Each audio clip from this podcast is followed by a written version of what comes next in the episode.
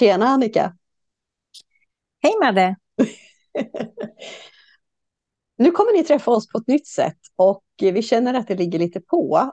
Och eh, det har till viss del att göra med återkopplingar som vi har fått eh, på tidigare episoder. Det har också att göra med när vi lyssnar igenom innan vi nu släpper avsnittet nummer 13 är det.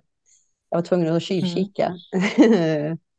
Eh, på, nu på måndag. Ja. Eh, för det är väldigt ofiltrerat. Och det mm. står vi för och det är så vi vill ha det. vi kände också att vi ville göra oss synlig för dig som lyssnar på vår podd. Vad fan hände?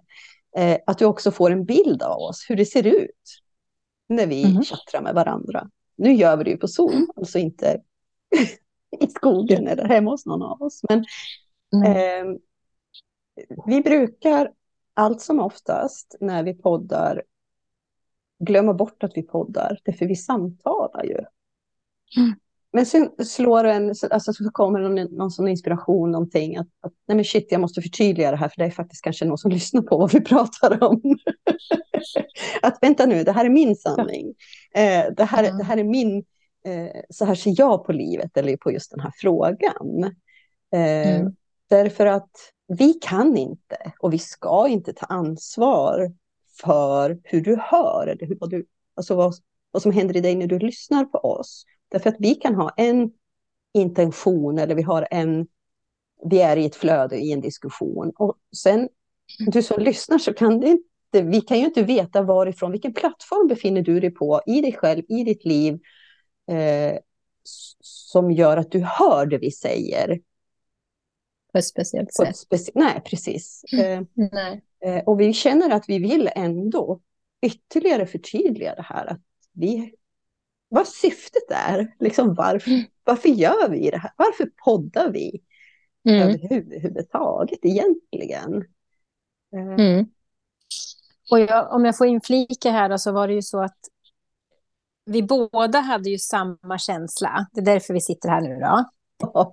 Eh, på varsitt håll och skriver till varandra. Och känner att, för jag lyssnade ju på avsnittet som jag brukar göra annars och känner att det var ju som du säger, Madde, ofiltrerat och så, men det är ju ofta i våra samtal. Och först, alltså jag kan, också, jag kan känna att jag har en kritiker i mig som säger så här att men så här kan man ju inte uttrycka sig eller så. Men sen landar jag i alla fall hela tiden att jo, för att jag kan inte, eller vi kan inte utifrån vårat ta, ta ansvar, som du säger, för hur mottagaren tar emot det. För det är liksom också en del egentligen av vår syn på människan, av respekt för människan, att vi har ett eget ansvar. Så om man vill lyssna på oss så får man absolut jätte, jättegärna göra det. Och vill man också då Eh, vilket vi, vi hoppas, både du och jag egentligen också, att det kommer synpunkter naturligtvis, vilket vi, vi får. Men hittills har det varit så vackra, fina saker folk har sagt. Eh, men även om det skulle vara av en kritisk röst, så våga säg, våga fråga oss i så fall. Mm. Eh, för våran intention med podden är ju att det liksom är våra samtal ditt och mitt samtal, men vi delar med oss av det. Och för att det ska vara i växande kraft och för att det ska komma ifrån våran sanning eller våran intention eller filosofiska tankar eller känslor så måste vi få prata utifrån oss. Och då blir det lite hattigt och lite si och lite så emellanåt där man kan känna av. Men vi får ju också många gånger till oss att vi, vi ändå knyter ihop det på något sätt. Det är i alla fall folk sagt till mig att vi är duktiga på att återkoppla liksom där vi kanske börjar med i samtalet för att sen gå över till någonting annat, vilket vi gör i det här kommande avsnittet, nu nummer 13. Eh, men det är ju också ett avsnitt om livet och i livet det innehåller ju otroligt mycket. Sen har jag tänkt på vi har ju också sagt att vi håller oss runt en timmes samtal. Och då av naturliga skäl så kan vi inte få in allting och vara strategiska eller på något sätt, för då skulle det inte vara vi heller. Så jag Nej. landar ändå i att jag känner mig trygg i våra samtal. Och jag hoppas verkligen att eh, de som lyssnar och vill lyssna på oss känner att vi gör det här av kärlek och respekt eh, för oss själva och varandra eh, och mänskligheten. Och sen att vi liksom vill dela med oss av våra samtal. Uh, intentionen är ju för oss båda, jag kan ju, och har jag fel Annika så rättar du mig, det, det är som vanligt. Uh, men det är ju att, att kunna vara fri i att vara vi. Mm. Eh, att inte ta på oss den tunga rollen att utmåla oss som experter mm. inom något som helst område. Mer mm. än att jag är expert på mig och du Annika är expert på dig. Mm. Eh, och det är väl egentligen den enda ansvaret vi tar i det här. Och vi hoppas verkligen att du som lyssnar på oss också mm. kanske öppnar med ett, lyssnar med ett öppet sinne, eh, inte bara lyssnar på oss, utan går bortom där och hör oss. Mm. Eh, och vad händer i dig där och då? Och det då en nyfikenhet eller en, en önskan om att förstå och veta mera, så finns det ju mängder av experter, vackra människor med goda intentioner, som är så, Kunskap. så kunniga inom sitt mm. område.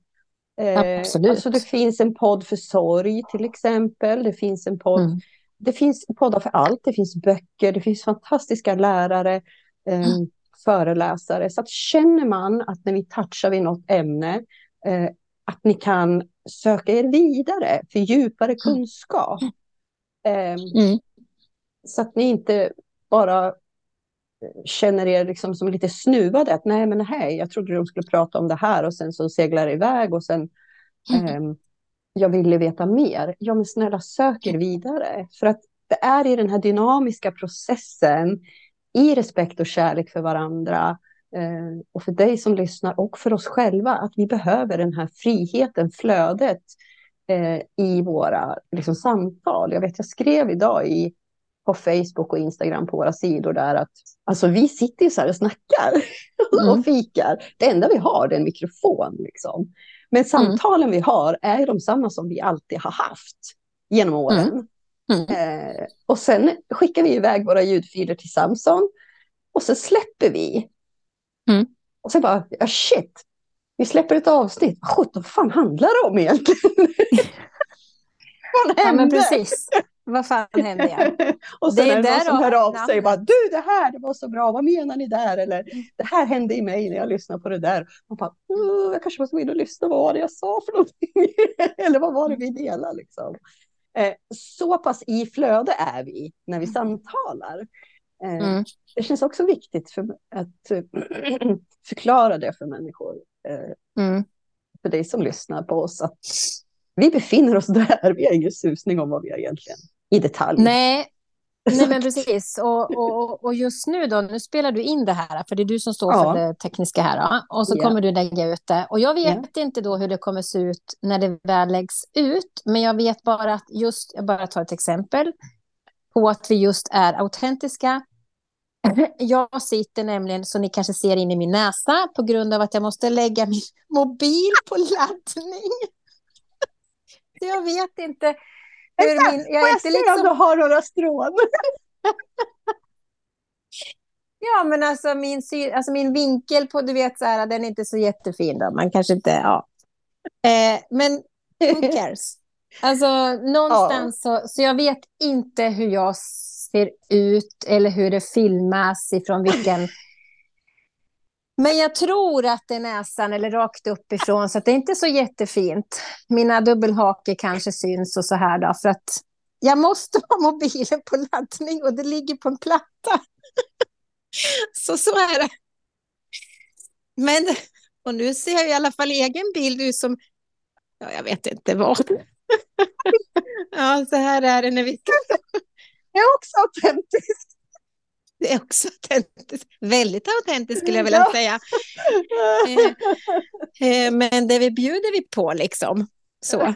Jag var tvungen att titta om Olle, min hund, ligger kvar och det gör han. För mm. Janne, min man då, mm. han kommer att stolpa in rätt vad det är och då kommer Olle fara iväg som en skottspole och skrika halsen ur sig. Det är också. Ja. ja. Nej, men, eh, och, och, jag tror att ni kanske ser upp mitt tak här också. Så, men, men så, så är det när vi samtalar. Och det är väl lite där vi vill komma fram till, att det här är ju liksom en...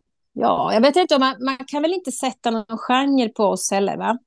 Eh, nej, nej, nej, nej, Låt oss bara vi... vara i, i flödet och vara oss ja, Vara oss själva, ja. Och, men det är väl det som är det fina, eller hur? Vi har ju pratat om det många gånger, att vi vill ju också att människan ska kunna, alltså människor ska kunna få känna att vare sig jag kanske tror göra bort mig, säga fel saker i fel sammanhang.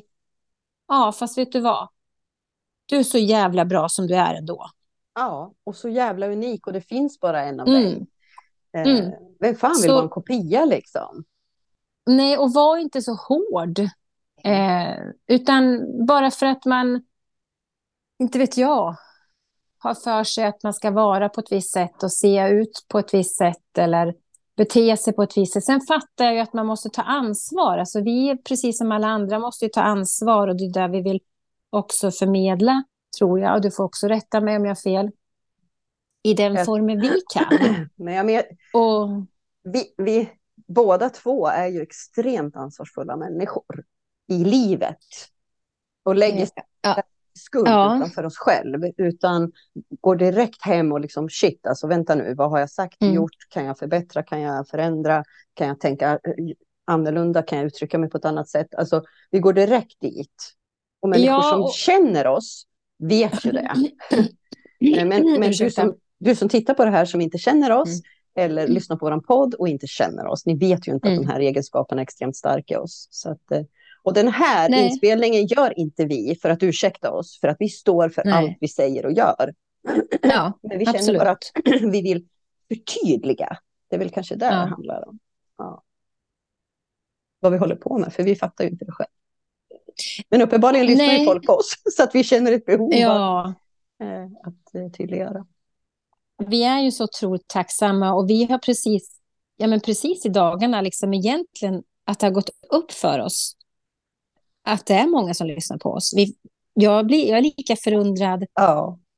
glädjefylld varje gång vi pratat om det, liksom, när vi fick veta hur många som lyssnar på oss av Samsung. För jag har, går inte in och kollar hur många som tittar, eller, eller inte tittar, lyssnar. Hur man jag gör inte, Nej, jag vet inte hur man gör. Och sen, jag lyckas aldrig, men jag tror inte heller att det är meningen för mig. För att jag... Jag orkar inte. Jag ligger... Nej, så det här egentligen Nej, liksom. Vi vet ingenting om vad vi gör, vi håller bara på med någonting. Liksom. Men då måste vi ju faktiskt också ta lite grann av...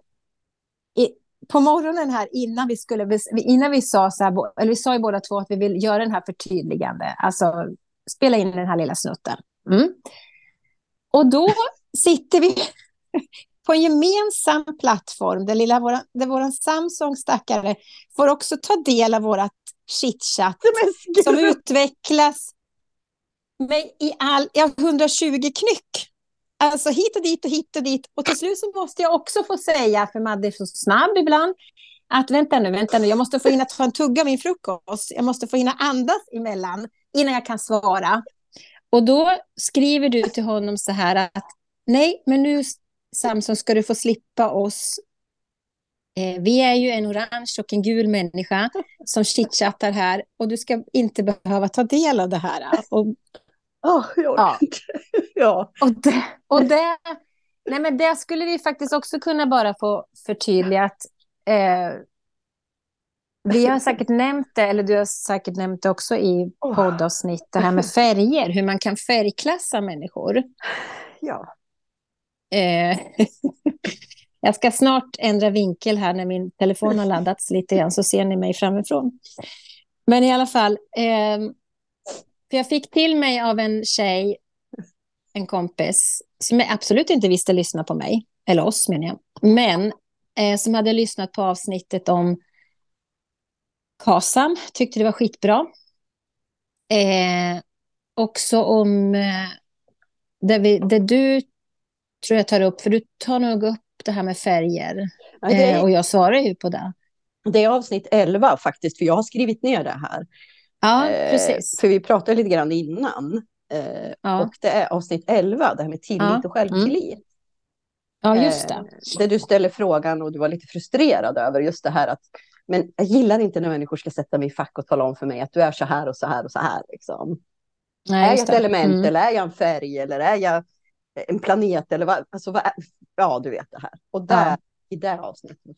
Ja, och det är ju också ett liksom en, ett, ett symptom eller, eller förklaring till varför vi, våran podd är som den är. Att den spretar emellanåt när vi försöker knyta ihop den på något sätt. För att vi, är inte, vi har inga krav på oss, utan vi, vi, liksom, vi vill bara förmedla någonting som vi har inom oss och som vi också vet är bärande ifrån kraft, universum, energi.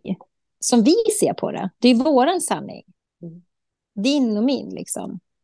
Men den här människan um, som återkopplar till dig, Mm. Jag hade sagt någonting om att gröna, du ja. hittar oftast gröna människor i vårdande yrken.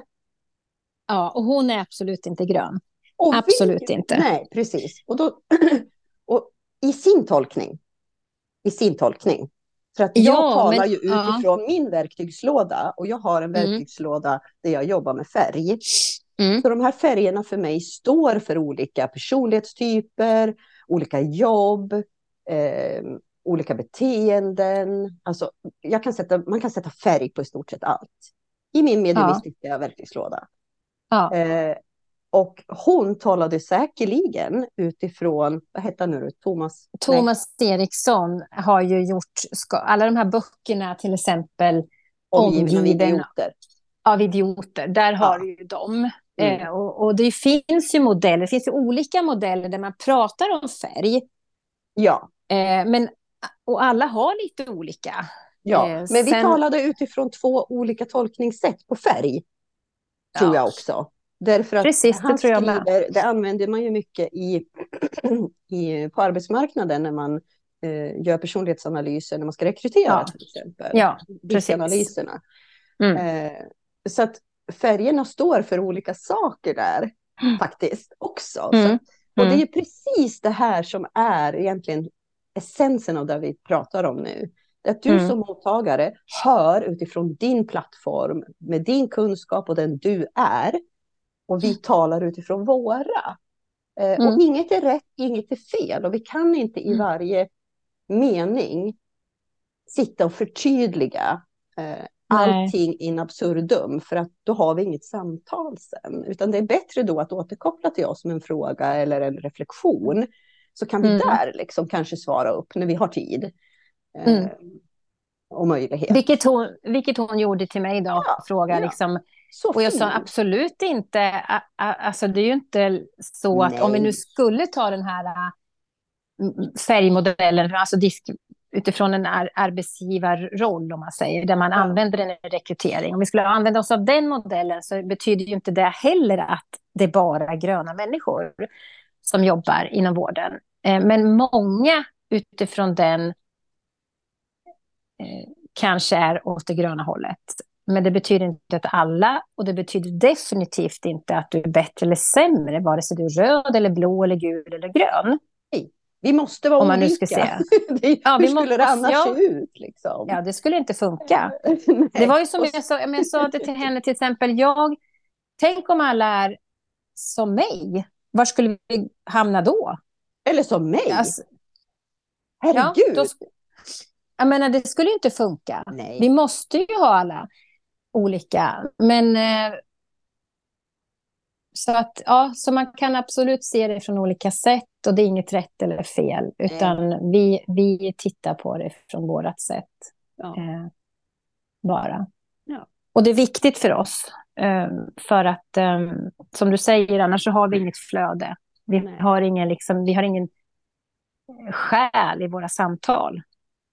i så Nej. fall. Utan Nej. då utgår vi ifrån att det ska vara någon struktur eller någon norm eller så här gör man eller man ska vara strategisk eller så. Vi ligger inte där. Det är inte, vi är inte där. Nej, nej, det är inte... Inte det här, inte det här fallet. Sen om man skulle ha en föreläsning, ja men då har man det på ett annat sätt. Eller man skriver kanske en bok, då är det en annan form. Eh, eller man kanske befinner sig i en annan situation. Men våra samtal är liksom våra samtal där vi berör allt mellan himmel och jord. Mm. Utifrån de vi är. Och utifrån de vi är, ja. ja. Så att egentligen vår uppmaning mm. också är till dig som lyssnar på oss. Mm. Eh, det är att lyssna på oss och så kan du köra en gång till och så kan du höra oss. Mm. Och vad händer där och då? Mm. För att Precis. går vi bortom för lyssnandet och in i hörandet så händer det saker i oss. Bortom det här första lyssnandet, där är de här snabba kanske eh, tankarna eller snabbkänsla. Men hör du oss så kommer det att hända saker på andra platser i dig. Och det är lite där vi är ute efter också. Våga glänta på dörren och liksom, ja, befinna sig kanske i ena kanten av sin plattform, hur du tolkar vad, vad, vad du hör att vi säger. Nu avsnittet nummer 13 då som släpps på måndag. Vad är det för datum på måndag? 27. 27 mars. Mm. Eh. Ja, 27 mars. Kanske bra att förtydliga. Om ingen vet. Eh, mm. Så, så nummer ett, vi sitter utomhus, vilket är helt, om vi tänker tekniskt sett, oprofessionellt. Vilket innebär att du kommer att höra fåglar, det kommer att blåsa lite grann. Eh, och, och, och det, det, är meningen så. Det finns många mm. människor som aldrig kan ta sig till naturen. Mm. Eh, att kunna sätta sig ner och liksom bara känna när vinden kommer och det här. Eh, och höra fåglarna, att man sitter själv där under ett träd liksom, tillsammans mm. med oss. För det är det vi önskar, att du ska känna dig som en del i vårt samtal, att du sitter tillsammans med oss där vi befinner oss när vi samtalar. Och sen så ja. att vi svär lite grann och också att eh, jag, jag, vet att jag går in i en energi som är ganska mm, den här, alltså eh, lite grann. Och det gör Annika också. Hon kommer från sitt mm. håll med lite mm, det här. Och när jag lyssnar efterhand så känner jag, ser, förstår hur inspirerat och hållet det här är. Det här samtalet. Därför att det berör någonting som är viktigt för mänskligheten. Inte bara för oss där och då, utan för mänskligheten. För Moder Jord och för all, alla hennes levande varelser. Inte bara i en liksom, kropp som ett djur eller människa, utan även hennes växtlighet, hennes energi, hennes allt. Eh, och att vi alla människor på den här jorden eh, har ett uppdrag här att bevara, vara rädd om och ta hand om Moder Jord som föder oss. Och att vi behöver göra det i gemenskap. Och hur viktigt det här är. Och jag tror att det är mm. där någonstans som det här kommer, att, att vi eh, tar i lite grann ifrån tårna plötsligt. För att det, efterhand när jag lyssnar, bara, shit, vad fan hände där? Det var jag mm. inte beredd på alls. Men det är också Nej. fint. Och jag tänker att det här avsnittet har väckt så mycket redan i oss.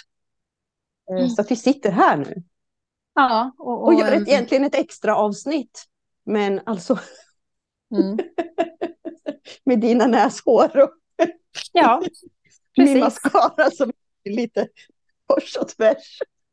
Ja, men alltså här ser ni oss från så som vi ser ut och så som vi är. Och jag tänker också att eh, det syns nog i det här avsnittet, att, eh, extra avsnittet, att vi är olika personer. Jag är ju lite mer fundersam, alltså analytisk på det sättet att jag stannar upp, lyssnar, hittar inte alltid liksom till den här förklaringen i ordform.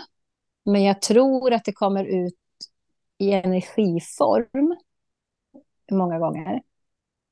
Eh, jag är lite eftertänksam på ett annat sätt. Du har ett annat sätt att förmedla som är fantastiskt. Jag hinner inte alltid med. Men det är också någonting som är så kul att vi har tillsammans. Och vi, ehm, Alltså jag känner bara att det är stor glädje i våra samtal. Det är liksom terapeutiskt. Och det har Verkligen. vi sagt från början. Mm. Att det är en del för oss också. Det är utvecklande. Och jag vet jag inte alltid om man för, behöver förklara allting heller. Nej. Utan jag tror att eh, jag kan tänka mig att man lämnar det till den som lyssnar också. Ja. Och får fundera. Ja. Mm. Eller får känna. Eller får känna, ja. Det är utmanande för oss båda två att faktiskt ibland ha de här samtalen. Eh, mm. Därför att vi är så otroligt olika. Mm. Eh, där du är den eftertänksamma, tar lite tid på dig. Och för mig går det otroligt fort. Alltså, mm. Och ibland får jag verkligen sitta på händerna, bita mig i tungan och bara liksom okej, okay, nu, nu slutar jag ögonen, jag tittar inte på henne, jag måste bara höra vad är det för någonting som händer här. Mm. eh, mm. och du behöver ibland nästan som stanna upp mig för att du behöver hinna i fatt vad jag sa ja. för 25 meningar sedan. Liksom. Ja, och det jag skulle egentligen vilja göra många gånger, vilket jag inte alltid gör, men det är ju att krypa in mitt i en mening, eller förstår du, mitt i din svada av massa ord som kommer, eh, förklaringar och allt vad det är. För att jag fångar upp egentligen en känsla någonstans, där jag skulle vilja ta det direkt. För jag har så svårt, när du har fortsatt, eller vem som helst, men när, när man har fortsatt i meningen eller diskussionen eller förklaringen, eh, då har jag tappat det. För det är precis som att det kommer här och nu, kommer min känsla någonstans och då skulle jag vilja lägga in det. Eh, men av respekt för den man sitter och samtalar med så kan man ju inte hela tiden avbryta heller. Eller ja, det så, så ibland så... Jag skulle kanske önska att universum gav mig en minnesbank där, alltså att jag höll fast vid en liksom, känsla. Men, men det är som sagt, det, det, är som när vi har släppt ett avsnitt, det är borta för mig. Alltså det är... In, innehållet har jag inom mig, så skulle någon börja prata om samma ämne igen, ja då skulle det komma tillbaks. Men, men det är liksom inte att jag, kom, jag kommer inte ihåg. För att jag är... är bara här och nu. Det är så jag upplever liksom när vi har samtal. Jag är verkligen här och nu. Och då, det är därför jag också upplever vissa saker i en diskussion. Men har man fortsatt så kan det vara borta. Men, men är det viktigt att ta upp igen eh, så har jag hört i våra avsnitt att både du och jag går tillbaka. Mm. Så att, eh, ja, men ja, det gör vi. Så att jag, eh, det, det, det gör vi nog. Ja. Det jag känner direkt och liksom, mm.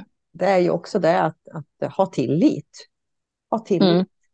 För det är så hållet liksom. Att mm. Det blir precis så som det är menat.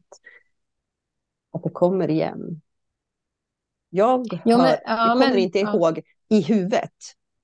Nej. Men plötsligt så bara, nu händer det någonting. Mm. Okej, okay, nu. Mm. Och sen så tar man mm. den där omvägen. Ja, nej men så är det ju. Och det är därför jag, alltså jag känner verkligen när vi har avslutat ett samtal att det känns jätte alltså, bra, även om vi sen lyssnar på avsnittet och kan känna lite som vi gjorde inför det här, att eh, vi sticker lite grann och så, men vi kommer tillbaks och det knyter ihop sen i alla fall.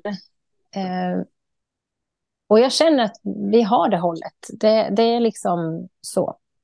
Men att stunder så har vi genombrott av vår energi, kraft eller frustration eller känsla som genomsyrar liksom, samtalet för stunden. för vi kan ju säga det också, att det här avsnittet som vi släpper på måndag, avsnitt 13, så kommer det att handla om hur skulle jag mer medvetet kunna leva mitt liv om jag visste att min tid var utmätt. Och jag menar, mm. det är ganska, alltså den är, den är svår och jag känner hur mm. berörd mm. jag redan nu blir när jag pratar mm. om det. Att få veta jag har en sjukdom som gör att till exempel att jag kommer inte att bli 90 år, utan jag kommer mm. att avsluta i förtid. Eh, och det, vi vet alla att vi lever och lever vi så vet vi att vi kommer dö. Men vi går inte med den aktuella liksom, tanken i våra liv.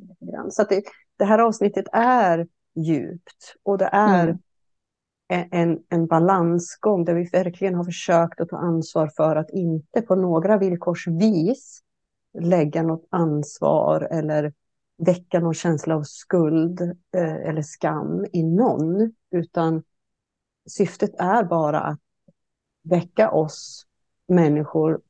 Hur kan jag bli mer medveten i mitt liv, i mitt vardagliga liv? Mm. Det är ju egentligen det. Och, och, så samtalet drar iväg en hit och en dit. Mm. Med mm. egentligen exempel på val som du och jag har gjort i livet. Mm. Eh, utifrån en liksom, mer medveten grund om att en dag tar det slut. Liksom.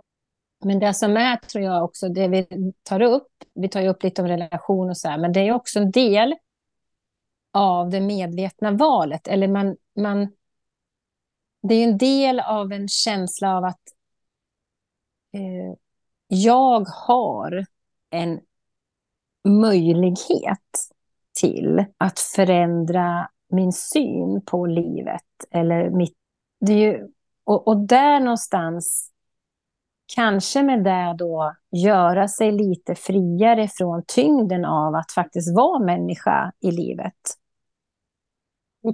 För det är tungt. Ja, ibland. Många gånger. Ja, men också mm. det här att, att ska säga, skapa en frihet mm. Eh, i att inte döma mig själv så himla hårt. Att inte ta livet på mm. så himla stort allvar. Att inte gå genom livet och döma andra människor, vilket också är en, en tung energi. Att, att hela tiden mm. ha åsikter om sin omvärld. Eh, mm. Det är inte en skön plats att vara på. Nej, och den, Eh, den bottnar ju oftast i rädslor. Och jag menar, vi, och det är inget att, alltså, det värderas inte heller, utan vi, vi människor har olika rädslor. Och vi, vi har olika bagage och ryggsäckar som gör att vi, eh, vi formar vårt liv och vi lever vårt liv. Så, men, men just det här äh, djupa frågeställningen som vi hamnar i, i vårt avsnitt, att om jag får ett datum, och då menar jag inte datum i sig, utan mera att jag får en dom på mig på något sätt, eller hur jag nu ska förklara. Vad innebär det och vad händer med mig?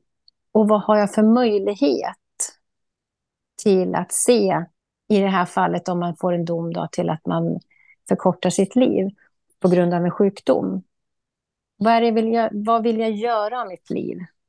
Vad vill jag ha ut av mitt liv?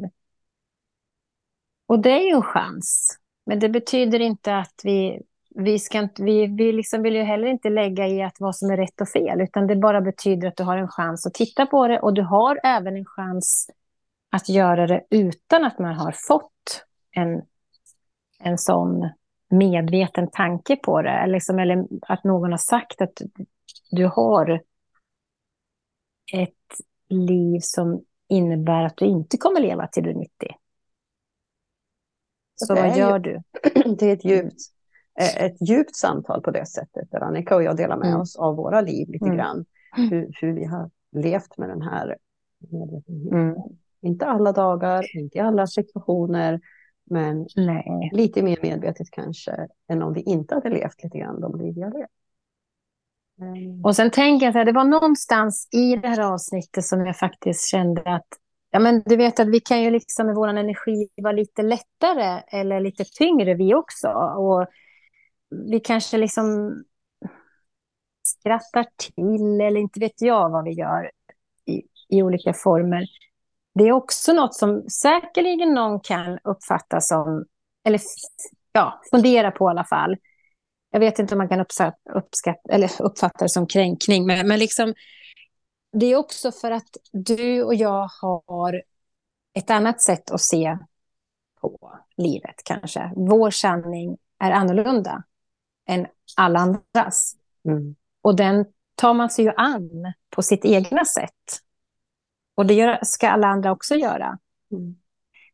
Um, så det är inte så att vi tar lätt på det här ämnet. Definitivt inte. Mm. Det är bara att vi har en erfarenhet i vårt liv som har gjort att vi har på något sätt blivit mer medvetna på ett, när det gäller att jag vill, hur jag vill se. Jag är medveten mer idag än vad jag någonsin har varit på hur jag vill se på mitt liv. Och jag är inte rädd för döden. Jag är inte rädd för att prata om den. Jag är inte rädd för att dö. Eh, så det gör att jag kanske har en friare energi när jag pratar om det än vad många andra har. Men det betyder ju inte att jag inte förstår att, man, att det är otäckt. Det är verkligen otäckt för många med döden. Och man pratar inte ens om det samtalsämnet. Under, det finns ju många som inte ens pratar om det någon gång. Förrän, man, för liv, förrän livet står där och knackar på och man drabbas av det. Ja, och kanske inte ens då. Nej, kanske inte ens då. Mm. Men... Så, mm. Eh, ja, vi går ju ifrån från det samtalet. Eh, eh, och all kärlek och kraft till dig som går igenom just nu. Om du själv är i den situationen eller är anhörig till någon som är i den situationen eller har varit. Mm. Mm. Att att vi, vi, vi förstår eh, och vi vill inte med det vi säger och uttrycker på något sätt lägga någon form av skuld eller skam eller krav på att du borde göra vara på något annat sätt än det du just nu eh, gör och är. Nej, absolut inte. Det är otroligt, otroligt viktigt att vi verkligen eh, förtydligar det. Och likadant ja. att, jag vet att jag går igång eh, på att i, i en del i det här samtalet när, när jag drar som exempel att många människor väljer att inte kliva ut i sitt liv och leva fullt ut. Och nu känner jag hur jag kommer att tappa det här. Du kan fortsätta.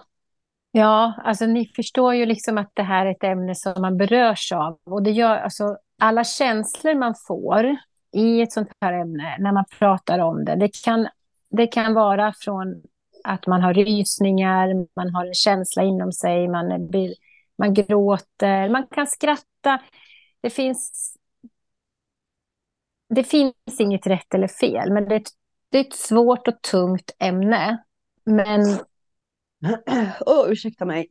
Någonstans så önskar vi ju att vi själva och alla andra fick chansen till att just leva fullt ut i sitt liv. Och vad, du, vad det innebär, det är upp till det. Det är så olika. Vi är så olika och har olika behov. Men att vi känner någonstans att vi strävar i alla fall däremot. Att vi ska leva våra liv fullt ut. Vi ska leva och inte överleva. Vi ska leva och inte vänta på döden. Sen betyder inte det att man inte kan prata om det, för jag tror att man ska prata om döden mera. För det blir inte så jobbigt, det blir inte så långt bort för en om man gör det. Och det är ju det enda vi vet, det är att vi föds och vi dör. Sen har alla olika tid på jorden. En del har väldigt, väldigt kort tid och en del har väldigt, väldigt lång tid eh, när jag tappar det här, det har eh, inte just att göra med eh, att du går igenom just den här processen eller står i närheten av någon annan som gör det, som, som ska lämna, utan det har att göra med dig, du som lever här och nu. Eh, mm. Att du inte tror att du är kapabel att leva det här livet, utan du har tagit på dig en roll i det här livet där du lider och där mm. du överlever och där du tror att du måste jobba med dig själv hela tiden. Och går in i den här kampen och går in i kampen och går in i kampen. Och att ena dagen så har slöjan lyfts lite grann. Åh, det är lite soligt glatt ute. Och nej, nu, nu, nu, nu är jag så lycklig så nu kommer jag snart något jävligt att hända mig för att, för att jag kommer, för att jag kommer, och jag lever ju i det här livet för att jobba med mig själv och för att lida. Eh, det är jättemånga människor som går omkring med det här och eh, Och det gör så jävla ont i mig att se det här. Vackra människor som är sådana alltså, stjärnor och, och har sån kapacitet och, och har sånt ljus och har så mycket att bidra med för sig själv och sin omvärld. Och så sitter man som fast i den här rollen av rädsla för, helt omedvetet ibland, för att man tror inte att man kan välja någonting annat. Därför att man, man är så van att leva i den formen i sitt liv. Att jag måste jobba så hårt med mig själv och jag måste liksom må dåligt och jag måste lida hela tiden. Och livet handlar inte om det. Livet handlar om att vi ska gå ut och leva, vi ska skina för varandra och för oss själva i vårt eget liv. Det berör mig något så fruktansvärt när jag ser det här omkring mig. Mm. Eh, att, jag, att jag bara vill springa runt och plocka människor som tussilago ungefär. Mm. Be om lov mm. naturligtvis vid varje plock där. Men att, att, att, bara lyfta upp dem i solen och bara, fan ut och skin med dig människa. Ut och bidra till dig själv och till andra. Um, mm. Så att, eh, ja vi tar upp det och, och ni förstår att det har absolut inte med att jag dömer någon. Utan det är bara min mm. önskan, min starka, starka önskan om att vi alla behövs, att vi är här i ett syfte. Det är jättefint sagt och, och förklarat. Um, och det är så det är. Um, men um, ja, vi har klivit ner här med och klivit in i en människokostym. Och många tror som sagt att den måste innehålla ett visst sätt att leva på eller vara på. Men man kan ju sätta på sig ett par andra glasögon en dag och fundera på om det går att förändra eller byta. Eller om man kan tänka på ett annat sätt eller känna på ett annat sätt. Eller man kan utmana sig själv lite grann. Faktiskt.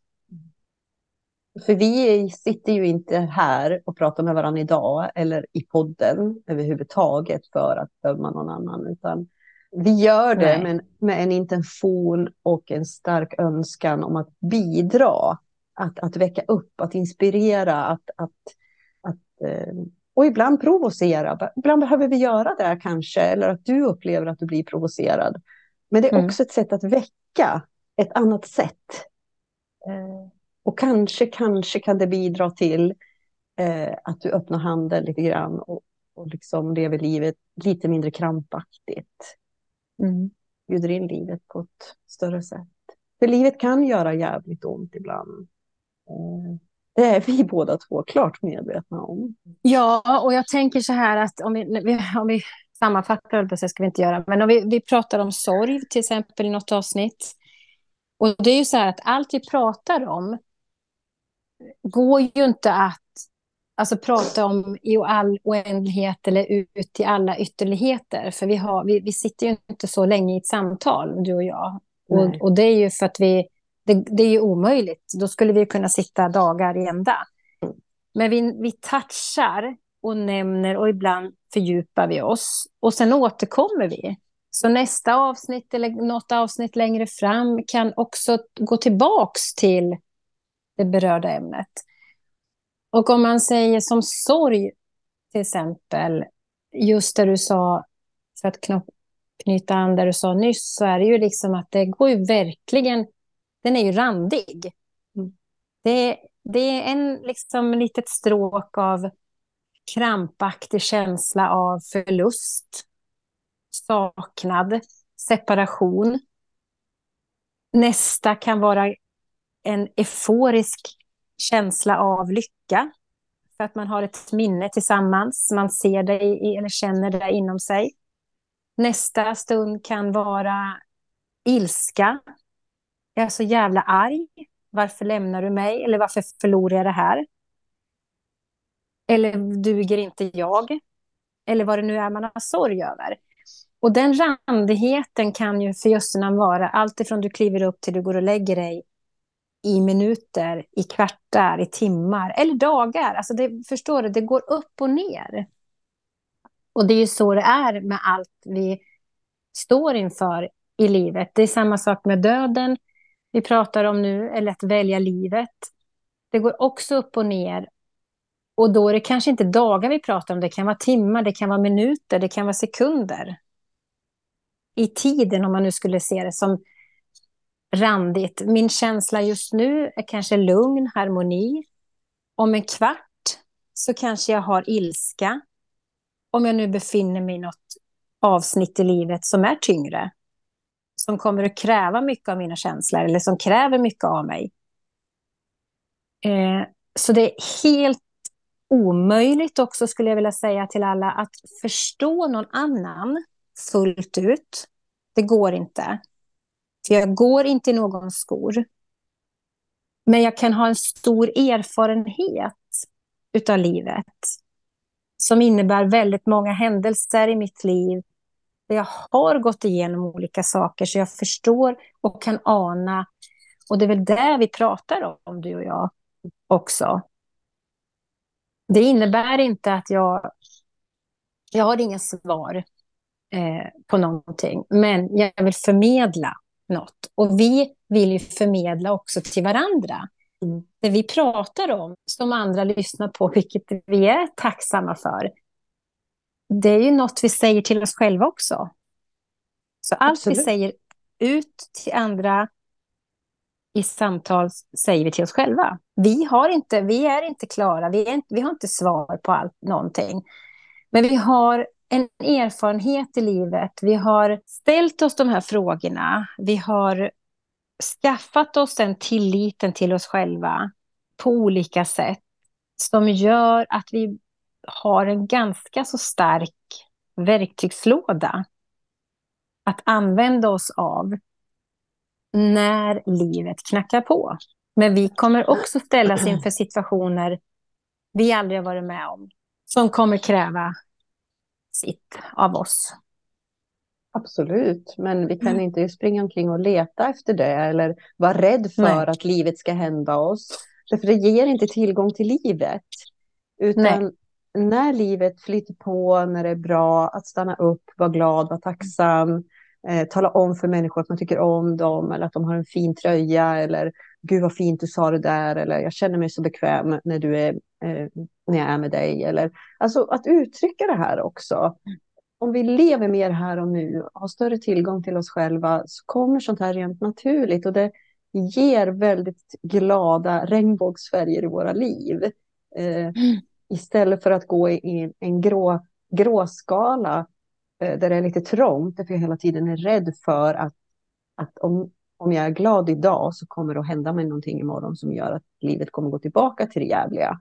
Och ni mm. vet att det vi fokuserar på det växer. Så om den här rädslan hela tiden ligger som en grund för dig i ditt liv eh, så attraherar du, liksom, du bjuder ju som in det. Att du inte är mm. värd att vara lycklig. Du är inte värd att må bra, du är inte värd att vara glad eh, någonstans. Eh, och du är så jävla värdig. Mm. Bara fatta det, du är så jävla värdig varje minut i ditt liv. Du är värd att må bra. Du är värd att vara mm. lycklig. Det är viktigt. Mm. Och när livet sen händer oss, ja då tar vi det när det kommer. Du är kapabel mm. och rustad för att kunna hantera det också.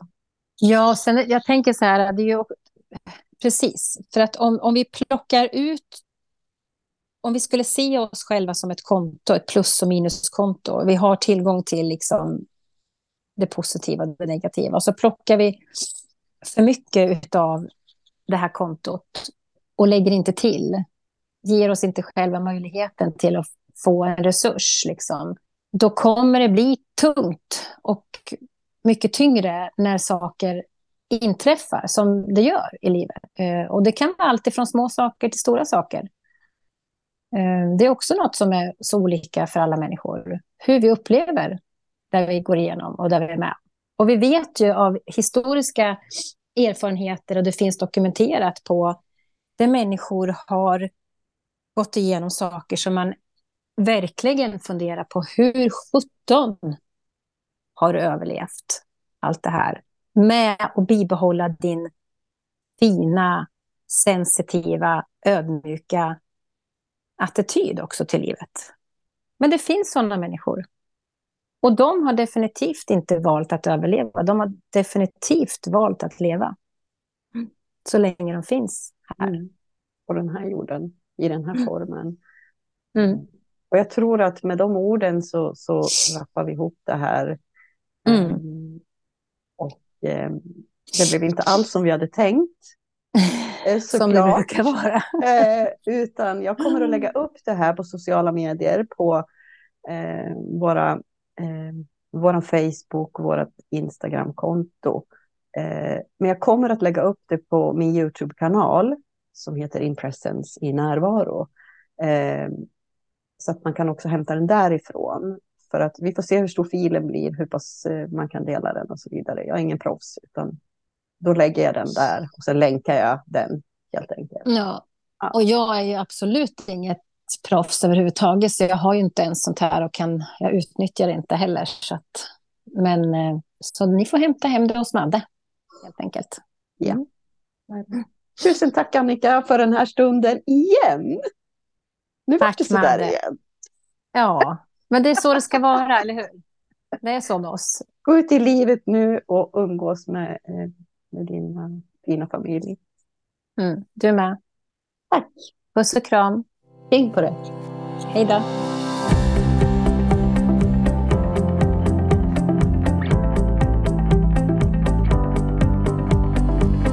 Hej Annika. Nu är det ett nytt avsnitt eh, och den här gången så sitter vi i skogen. Ja, det är så jävla häftigt. Mitt i skogen bland gula fjärilar och andra fjärilar och fågelkvitter och solen skiner. Ja, och man känner att vi vaknar till liv. Ja, ja och när vi gick hit så var det... Då, jo, vi såg ju blåsippor. Ja. ja. Eh, och sen eh, en bäck som påla ut. Och vi båda sa att nu, nu blir man lycklig på riktigt. Ja, på riktigt. Ja. Nu känner man hur det börjar spira. Och, och alltså det här är första dagen egentligen på väldigt, väldigt länge som det är sol. Mm. Och det är inte snö på backen. Och vad är vi inne i 23 mars? Det är väldigt speciellt 23. idag. 23 i tredje 2023. Ja. Eh, och det är så tydligt hur hela Moder Jords existens har liksom legat så, så, så under ytan. Mm. Och första dagen nu så bara poff exploderar det. Och det är precis så som pågår i oss också. Ja. På så många plan. Mycket, mycket, mycket händer i människan just nu. Mm. Det är mm. helt magiskt. Och nu har vi besök av en liten fågel här precis ovanför oss. Och det som var så roligt när vi kom till den här platsen, för vi sa var ska vi sätta oss? Då gick vi och kände och vi hittade den här gemensamt. Och det bara exploderade. Först så ser vi en citronfjäril och vi bara wow. Så kommer nästa och nästa och nästa. Det var som att här ska vi sitta. Ja, det var helt fantastiskt. Eh, och sen har vi min hund också med oss. Som också vill få njuta. Och som vanligt så har vi ju suttit ganska länge innan och pratat och, och så. Och egentligen så vet jag faktiskt inte om vi har kommit fram till något som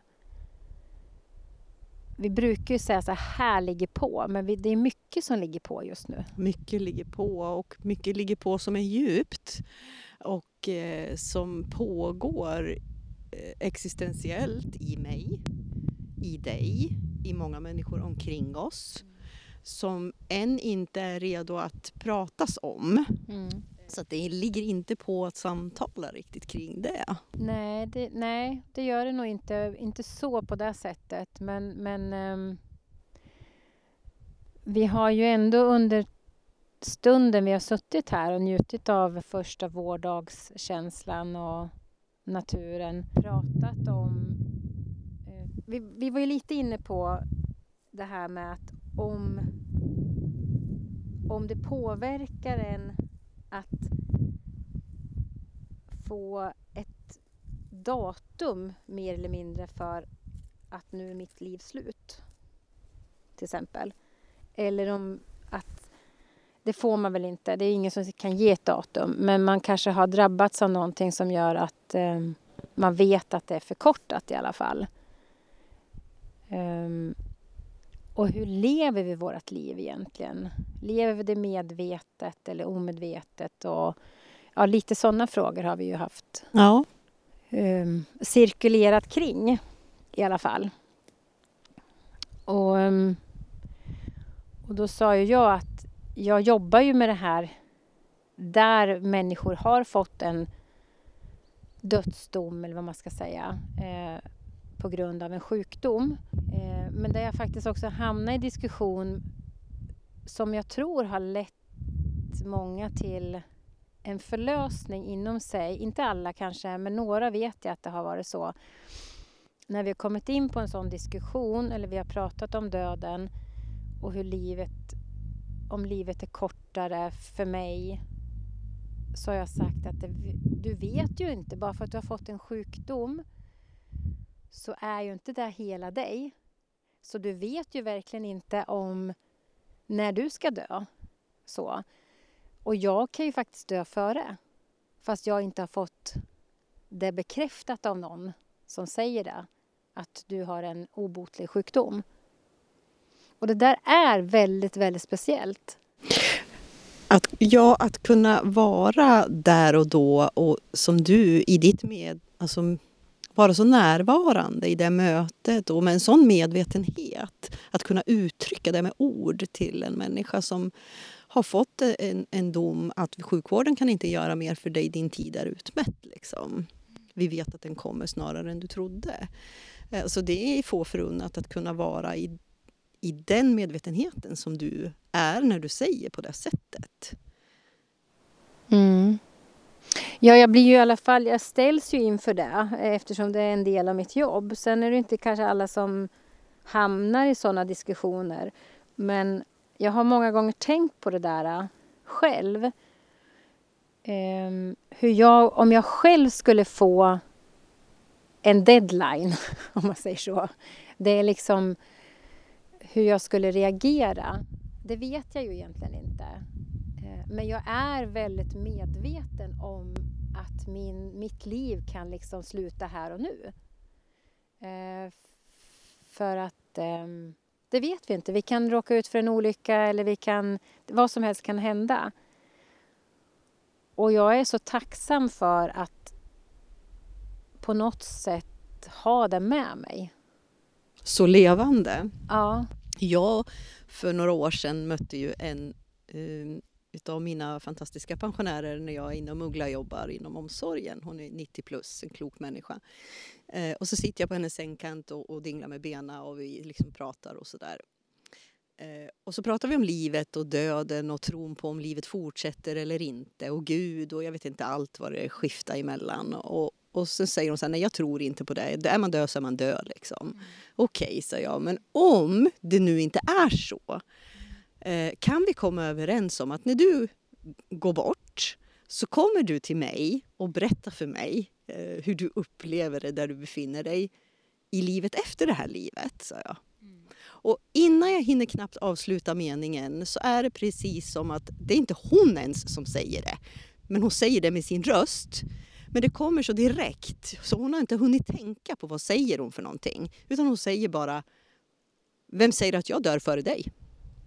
Och det var verkligen en sånt uppvaknande för mig där och då. Har jag verkligen levt mitt liv idag som om det vore min sista dag i det här livet? Så att jag liksom på det sättet håller den här medvetenheten vid liv. Att vet du vad, det här livet är en sån kort tid. Har jag verkligen levt så som jag vill mm. den här dagen? Ja, och sen alltså, och jag tänker också när du säger det så, så det ska ju heller inte vara att man eh, på något sätt um, hur man än känner inför det här liksom, eller så, eller har vilket resonemang man har lägger skuld på sig för att man inte kanske råkar vara tacksam en dag eller så. För så, för så är det ju att vara människa också. Man lever ju inte ständigt, ständigt närvarande i det här. Men att just göra sig påmind varje dag på ett eller annat sätt tror jag är, för mig är det jätteviktigt och har varit eh, att vara tacksam. För det gör ändå att jag, och jag vet jag har sagt det här, det har Robert och jag pratat om många gånger, eh, eller då och då, att vi alltså dör jag nu så är jag nöjd. Jag är faktiskt nöjd. Jag har verkligen levt ett bra liv trots allt man har varit med om. Men, men har liksom, jag är tacksam. Jag tror att nyckeln ligger lite grann där som du pratar om, att vi ska inte gå in i rädslan för att det här livet tar slut. Nej, nej, Eller vi ska nej. inte börja ställa för hårda krav på oss själva att vi ska gå ut i det här livet och liksom eh, vad ska jag säga nu, i en rädsla för att eh, tänk om det tar slut, vad, vad måste jag hinna med liksom? Det är inte det vi pratar om, utan det är det här med tacksamheten att Mm. jag har gjort så gott jag har kunnat. Ja. Även om det inte alltid har blivit det absolut bästa för alla, inte för mig själv heller. Men jag har gjort så gott jag har kunnat med det jag har haft och den jag har varit och det jag har kunnat och vetat om livet. Eh, och mer vara i tacksamhet till sig själv och vara lite förlåtande till sig själv också. Ehm, för att vi är människor i den här världen som väldigt, väldigt många av oss är väldigt hård med sig själv. Och det är lätt att då hamna i en ytterligare stress. Eh, att man inte har gjort gott nog eller man inte är bra nog eller på det sättet. Och det är absolut inte det vi är ute efter här utan hur kan jag mer medvetet skapa mitt liv utifrån att vara mer närvarande i det här livet än vad jag kanske har varit innan jag lyssnade på den här episoden. Mm. Det, det, hur kan jag bjuda in mer medvetenhet om livet? Ja, precis. Och sen jag tänker att man alla där ute, alla vi människor gör verkligen så gott vi kan utifrån den förutsättningen, den förståelse man har för dagen eh, av livet. Eh, och det räcker ju faktiskt. Alltså, det är det jag menar med att jag är nöjd med om jag dör nu så är jag nöjd. Jag har gjort massor med tok, jag beter mig konstigt ibland. Men det är inte där. Utan det är ändå, jag vet att jag har gjort så mycket gott också, vilket alla människor har. Eh, ja, det kanske finns några få undantag här på jorden, men de behöver vi inte ens nämna. Nej, men jag tänker att vi kan inte döma någon. Nej. För vi har inte levt i deras kostym, vi har inte gått i deras skor. Vi har ingen aning om vilka kontrakt de har skrivit innan de kom till den här världen. Vi har ingen aning om vad som orsakar att människor kanske beter sig mindre bra. Nej. Vi behöver däremot inte acceptera att människor beter sig dåligt. Absolut inte. Utan ta ansvar för mig, det här är inte okej för mig. Ja. Det är också ett sätt att leva mer medvetet och sätta gränser. Eh, och faktiskt vrida fokus och istället vart vill jag någonstans? Vem vill jag vara? Och vad vill jag istället ha in i mitt liv och öppna dörren för det? Det handlar om medvetenheten i det dagliga livet. Och nu när du säger, eh, det slås, eller jag slås av, alltså jag vet att jag ibland säger, jag pratar mycket om system och sånt här. Jag pratar mycket om organisationer och jobbigt kring det och problem och sina, att jag också kan vara hamna i clinch med mig själv ibland när det gäller min relation till min, mitt jobb till exempel. Eh, och då har det ju inte med patienten att göra eller anhöriga eller mina kollegor utan det har med annat att göra som är mycket större. En större apparat liksom som ingår i vårt system. Men jag är väldigt otro, eller jag är otroligt tacksam för mitt jobb. För det har gett mig möjligheten till att få se och få ta del av människors liv på ett helt annat sätt än vad man får annars. Och visst, jag har kunnat gått genom de här åren och bara låta det vara så rent krast eller liksom teoretiskt eller men tack och lov så har det gått in i mig på något sätt och det är det som gör att jag också faktiskt värdesätter mitt liv eh, på ett annat sätt och jag har möjligheten till det. För vi som du säger, vi har ingen susning. Vi kan döma, vi kan värdera, vilket vi gör för det är en mänsklig del av oss. Eh, men vi kan inte säga att så här är det eller de, fan så här får man inte bete sig, så här får man inte göra. Eh, för vi vet inte varför de gör så. Nej, och det, det, det som dyker upp i mig när du säger sådär, det handlar ju också om det här med vart ligger min medvetenhet? För det är ju bara utifrån den jag är just nu, det är utifrån det jag kan förstå omvärlden. Jag tolkar ju min omvärld utifrån min egen plattform. Så att ibland så ges ju livet oss, alltså vi ges ju möjligheten genom att vi kanske möter på någon som irriterar oss eller någon säger någonting och så drar vi iväg och, och, och dömer och värderar där. Ja men det är ju någonting i mig, min värdegrund, min värdeplattform som jag är i kontakt med just här och nu som dömer den eller dig eller någon annan eller det de gör. Men vem fan har dött och gjort mig till Gud? Nej, det säger du ofta och det, har, det, är ju faktiskt ingen som har gjort dig till Gud. Det kanske är så att min värdegrund, min plattform är utdaterad och jag behöver kanske öppna handen lite grann mm. och inte sitta där och tro att jag alltid har rätt. Liksom. Att det finns där en möjlighet att kunna titta lite grann på okej, okay, vad intressant, varför går jag så hårt? Varför, varför triggar det här mig så mm. hårt? Är min värdegrund så värd att försvara och varför gör jag det? Mm. Och ibland är det så att jag behöver stå fast där och verkligen är övertygad om att nej men vad fan, det här är inte acceptabelt. Bete dig inte så här. jag sätter en gräns här. Och hej med dig, nu får du fortsätta i ditt liv och göra det du ska. Men vi ska kanske inte eh, fortsätta att vara i varandras liv. Liksom. Eh, för att det behöver vi göra, för att ibland så är andra människor och deras beteenden skadlig för oss. Absolut. Och där måste vi vara tydliga med att det här är inte okej. Okay.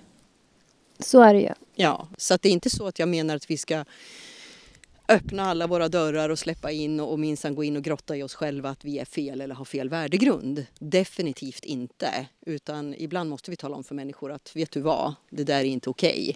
Nu är det dags för dig att gå hem och fundera över det här. Hej med dig. Mm. Ja, sätta sin gräns. Ja. ja, absolut. För det hjälper ju också andra människor. För det kanske det kanske är så att ingen har vågat sagt det här någon gång förut till den här människan som beter sig så här. Mm. Ja, så enkelt kan det vara. Så att den kanske behöver få höra att någon vågar säga, vet du vad, nu tycker jag att du är ute och cyklar. Hur tänkte du nu? Ja, och, och mm, ja, det är ganska lustigt hur vi Ja, vi, vi växlar ju ganska mycket i våra samtal och så. Det ena leder till det andra. Men det handlar ju just om livet. Alltså, allt det här vi pratar om är ju livet. Det pågår ju hela tiden. Och ehm, just nu så händer det så otroligt mycket eh, runt oss, på jorden, i universum. Alltså det finns en kraft, det finns en förändring som är på väg, stor förändring. Vilket gör att det är ju också tumultartat. Det är ju alltid så inför en förändring. Det vet man ju om man bara går till sig själv, att ska jag förändra någonting så är jag ju rädd först, oftast. Och sen när jag har pratat mig till, till liksom eh, sans eller jag har diskuterat och fått en mera klarhet eller förståelse eller så, så kan jag sen komma till acceptans. Eh, och det är det här som är så fint, att vi har möjligheten i alla fall. Det har alla. Alla har möjligheten till att göra de här valen. Sen gör vi inte de kloka valen alla gånger. Men jag är tacksam för mitt jobb och det val eller det som ger mig möjligheter till. Eh, men det var ju samma som vi, vi, när vi satt och pratade här så det är också en sån här del i mitt liv. Vi pratade om att leva i en relation eh, och om relationen som all relation så är den problematisk av och till. För det är det ju att vara människa och leva tillsammans med någon eller ihop med någon eller liksom bredvid någon eller så. Alla relationer är problematiska mer eller mindre av och till naturligtvis. Och de ska ju vara där för att vi ska någonstans lära oss, tänker jag. Mm. Och eh, det jag konstaterade eller sa till dig att min relation till min man, den har varit i många, många år. Kommer att fortsätta vara. Den har varit upp och ner och många gånger där jag har liksom tänkt att nej, herre, nu, nu ger jag upp, nu skiter jag i det här. Men allt som har triggat mig i vår relation, det handlar ju om mig. Ingenting annat.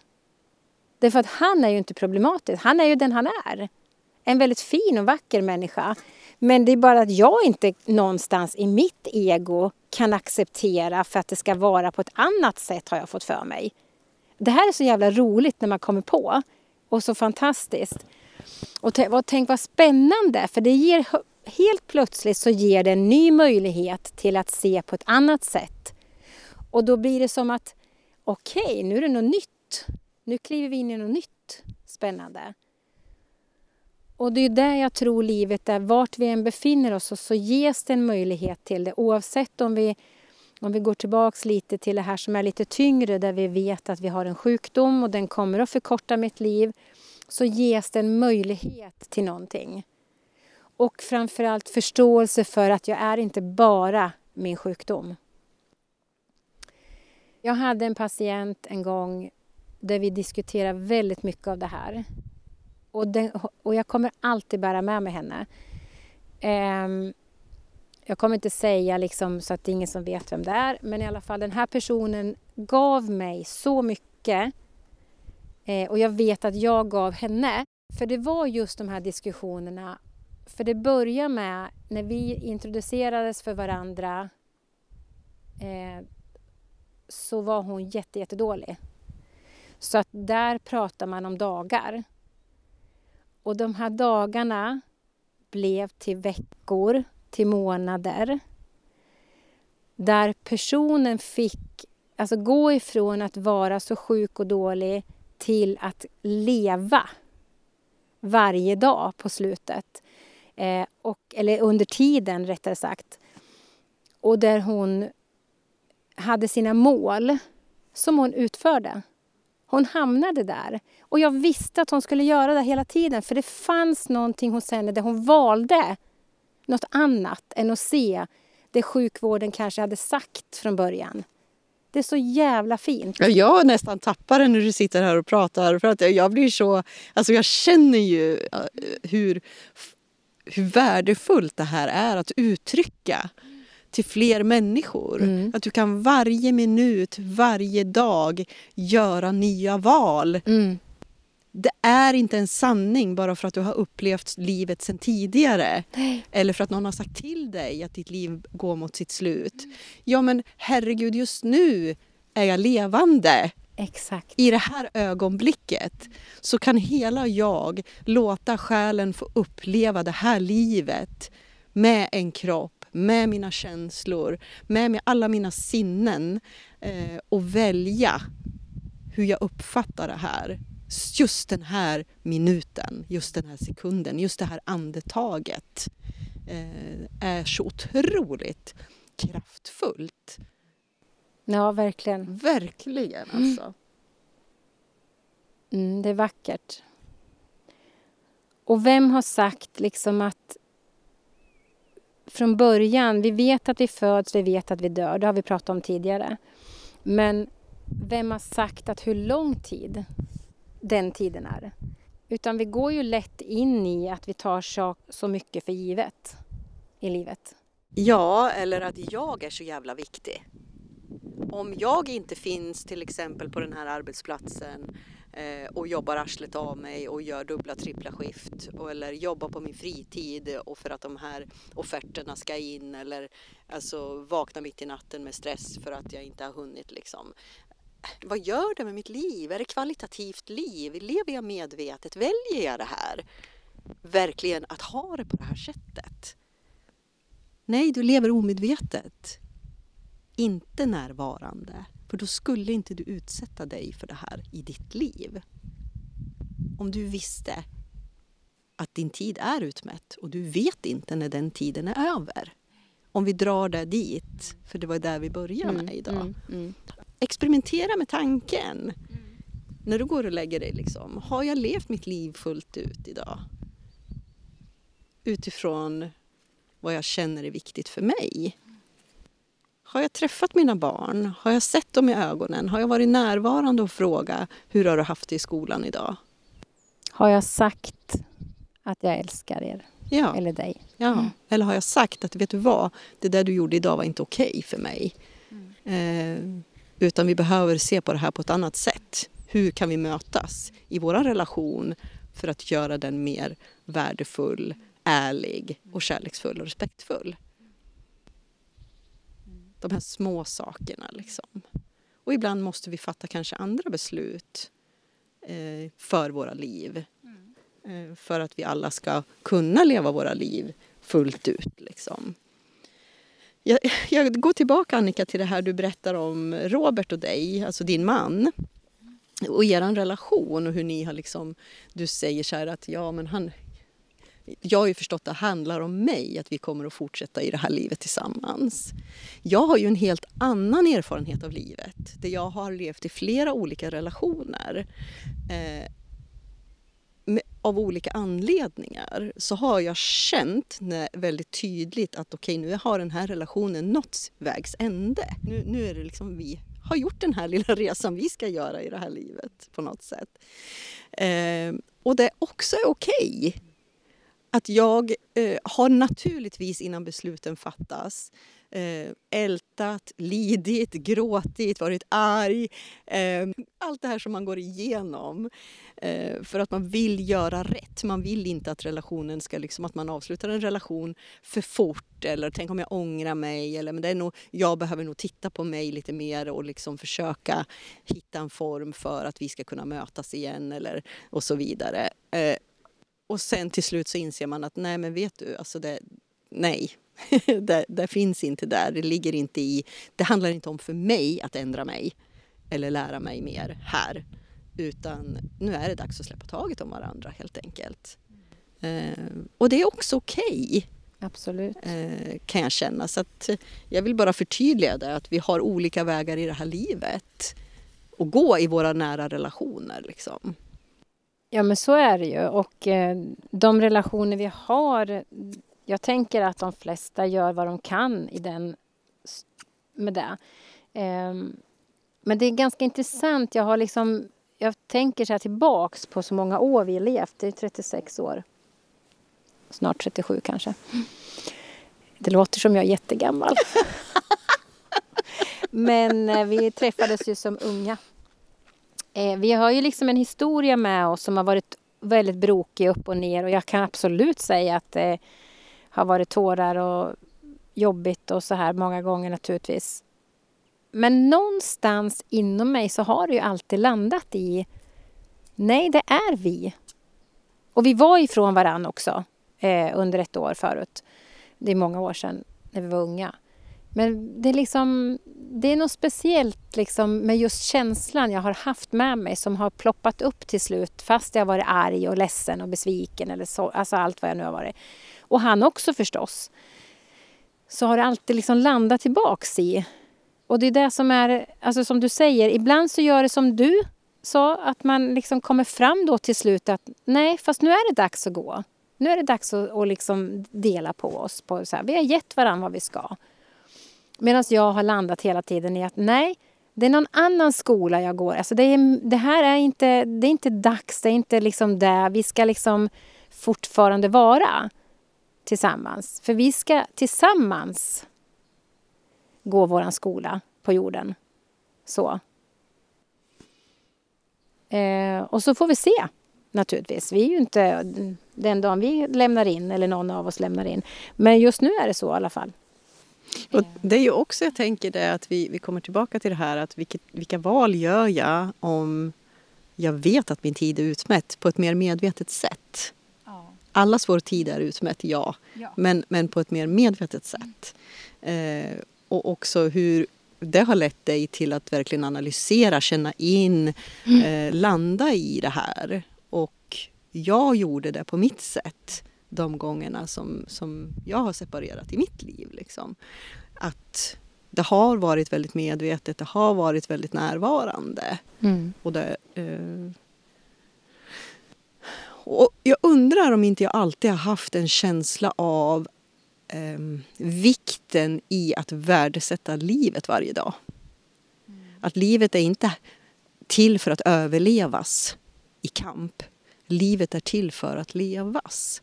Jag levde många, många år av mitt liv i överlevnad, i kamp. Och det är ingenting jag kommer att ta upp här för att det är alldeles för många människor inblandade i det. så, så vi får se framöver eventuellt, eh, men det känns inte alls som det är just idag. Eh, så att jag vet hur det känns att leva ett liv i överlevnad. Mm. Eh, på många plan. Inte bara rent ekonomiskt och överlevnadsmässigt och ha ansvar för andra att också överleva. Utan i en väldig rädsla för många delar i mitt liv. Så jag kan ju säga att den skolan har varit otroligt värdefull för mig för att jag idag värdesätter mitt liv så otroligt mycket i att jag lever varje dag. Mm. Eh, och det gör mig också medveten i de livsval jag gör hur viktigt det är för mig att alla val jag gör i det här livet handlar om för mig att leva mitt liv fullt ut. Att inte gå, behöva gå in i den här delen att gå in i en överlevnad. Igen. För jag har varit där, jag går inte tillbaka dit. Det betyder inte att jag lever mitt liv ur rädslan för att hamna i överlevnad igen. Utan jag njuter av att jag kan hela tiden göra mina val i det här livet från en plats i mig där det handlar om kärlek, tillit till livet, för att livet styr livet. Om vi låter det i tillit och till kärlek till mig själv. Att vet du vad, jag är här för att leva, inte att överleva. Mm. Det är också en skola. Och jag vet att många med mig har upplevt livet på det här sättet. Eh, där livet har handlat mycket om överlevnad. Av olika anledningar. Så är det ju. Och det är där vi menar med att det liksom, vi vet inte någon annans liksom, liv. Vi har aldrig gått i deras skor. Vi har gått i våra egna skor. Så vi kan bara titta på vårt eget liv. Och inte döma någon annan Nej. eller värdera någon annan. Och jag sa det senast i morse till en vän, annan vän till mig. Eh, att, och jag använder ofta det här uttrycket. Det är du kan lyfta på vilket jävla tak du vill. Alla människor har sitt livsdrama som pågår under det där taket. Ja. Eh, så att du ska inte tro att du behöver sitta i någon slags skam eller skuld över ditt liv. För att det finns alltid ett drama för alla människor. Kanske inte pågående just i den här minuten, men har gjort, kommer att göra. Så att vi kan alla relatera till det här. Eh, att livet ibland blir eh, utmanande. Ja, jag brukar säga att livet knackar på. Liksom. Eh, och det, med det menar jag också att det blir utmanande. Liksom. Och vi går in i överlevnad. Mm, och då har vi inte det. tillgång till livet. och det är precis det här du berättar, den här fantastiska beskrivningen om ditt möte med den här kvinnan hur hon valde att inte gå in i överlevnad trots att hon bara egentligen hade dagar kvar mm. som blev till veckor, som blev till månader. Mm. Utan hon valde livet. Ja.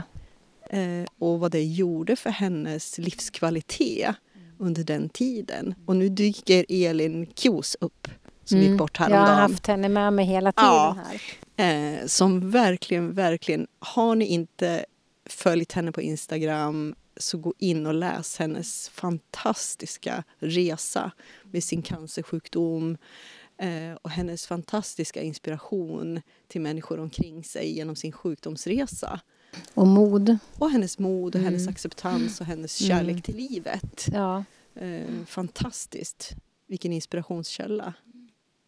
Och tänk om vi levde, och, och jag tror att det var hennes syster som skrev i, i ett inlägg, om det var igår, att gör det Elin önskar för er alla. Gå ut i livet och lev. Ja. Nu kommer jag nästan tappa det lite känner jag. Ja, jag känner också det. för jag läste ju liksom om hennes eh, bortgång i, och då grät jag ju förstås för att hon, hon är ju en hon är en själ nu som är lika stor som hon var på jorden. Alltså hon är en riktigt stor själ. Och... Eh, ja, nu tappar jag det. Men och det är fint. Och det skulle vara så fint om faktiskt alla följde liksom det här rådet som hennes syster skriver också, och som hon själv önskar. Eh, för hon var en sån otrolig inspiratör till att leva just livet trots sin sjukdom. Eh, och jag har ju träffat sådana andra som inte har, de har inte haft den plattformen som Elin har haft. Men den är så fin att få ta del av. Gå in och läs på hennes eh, Instagram eller sociala medier. Och all kärlek till hennes familj. Ja, så. verkligen. Mm. Eh, och ett stort tack för att de har låtit oss följa mm. eh, också mm. eh, hennes resa och eh, ja, vad de har lärt oss och kommer att lära oss. Ja. Ja, för det slutar ju inte här. Nej. Nej. Men jag kommer som sagt bära med mig den, den berättelsen jag har själv personligen där och eh, men i min, som min roll då som sköterska. Men ehm, för när du sa då att det fin, alltså att hon, hon levde ju verkligen, hon valde att leva den tiden hon hade. Och det är jag så glad för att ha fått sett. Och då ser jag framför mig eh, just det här liksom knytet som låg från början med svåra smärtor och problem och illamående och allt vad det innebär med en sån här sjukdom. Eh, och ångest till att faktiskt gå klädd som en otroligt vacker kvinna med hattar och köra bil och uppnå de här målen. Det är så jävla stort. Oavsett om det var en kort tid så är det så fint. Det är fantastiskt eh, att få ta del av den berättelsen. Mm. Och det betyder inte att om, om du har nära omkring dig som går igenom svår sjukdom och närmar sig sitt slut eller att du kanske själv eh, gör det. Det betyder inte att du gör fel. Nej. Nej. Nej. Nej. Utan det betyder att hon hade den här rollen i Annikas liv för att synliggöra att det är värt att leva det här livet. Ja, det gav ju mig möjligheten att se det så. Ja. Ehm, och det är där jag tror att vi alla har, oavsett om det är så här på det här sättet eller du kan möta någon i, i en affär eh, i några sekunder. Ni kanske möts med blicken eller någonting händer i livet i alla fall, möten som ger dig möjligheten till att känna in och förstå och göra ett medvetet val där du väljer livet. Jag är tacksam alltså, att du kan uppleva sann eh, självkärlek och tacksamhet till den du är, mm. det du har omkring dig eh, i det här livet mer medvetet. Eh. Ja, för tänk om, vi, tänk om vi kunde, Madde, på något sätt jag skulle önska att vi kunde på något sätt få andra människor att förstå deras värde. Ja, deras storhet. Storhet, ja. Alltså, det alltså jag har så många människor omkring mig. Både som jag känner och inte knappt känner och så. Men som jag ser, det är så, de, de är så fina. De är så vackra, de har sån kunskap, de har sån visdom, de är kloka. Men de förstår inte själva. Nej, jag vet. Visst är det jobbigt? Ja, det är jättejobbigt. det är jättejobbigt. Och jag, alltså, och ibland då brukar jag säga så här att, men förstår du hur gammal är mänskligheten på jorden? Jag vet inte hur många tusentals år eller miljoner, jag, jag har ingen aning. Eh, men det har aldrig någonsin funnits en exakt kopia av dig tidigare. Och det kommer inte att komma någon efter dig. För du är ett blueprint, du är unik. Din uppgift här är unik. Alltså, allt är unikt med dig. Det finns ingen som kan ta din plats och göra det du är här för. Att uppleva det här livet. Mm. Alltså det är så jävla stort. Och ibland vill jag bara ta en, en jävla klubba och smocka i huvudet på människor. För att de ska ja. förstå sin unikhet och sin storhet i att wow vad du har att bidra med i det här livet. I ditt liv. Jag vågar välja det för att det skulle bli så himla mycket roligare. Och livet skulle få så många olika nyanser. nyanser. Och, och också andra omkring dig, som du har omkring dig. som du påverkar.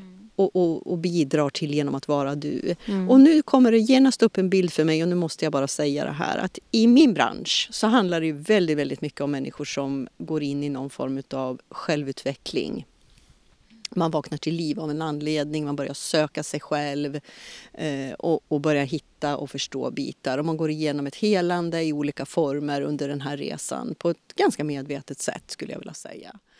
Och några människor har en tendens att fastna där och börja grotta och med självanklagelser eller anklagelser för sin uppväxt eller alltså, förstår ni?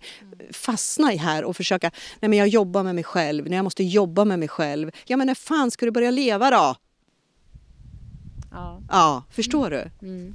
Hur länge tänker du, hur många centimeter av dina 100 centimeter på den här måttstocken, alltså om centimetrarna representerar ett år, av ditt liv.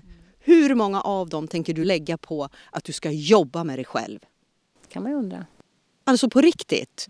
Inte, jag förringar inte vikten i att faktiskt ta ansvar för sin utveckling och sitt, sitt uppvaknande med sig själv.